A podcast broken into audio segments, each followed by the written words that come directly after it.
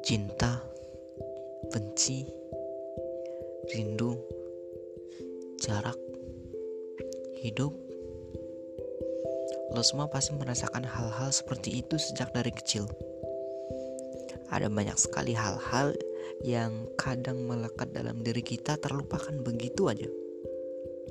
Maka, mari mendengarkan celotehan-celotehan orang awam ini. Eits, jangan lupa dengarkan juga suara hati alam. Karena alam semesta akan menuntun lo ke jalan yang tak terduga. Ingat itu.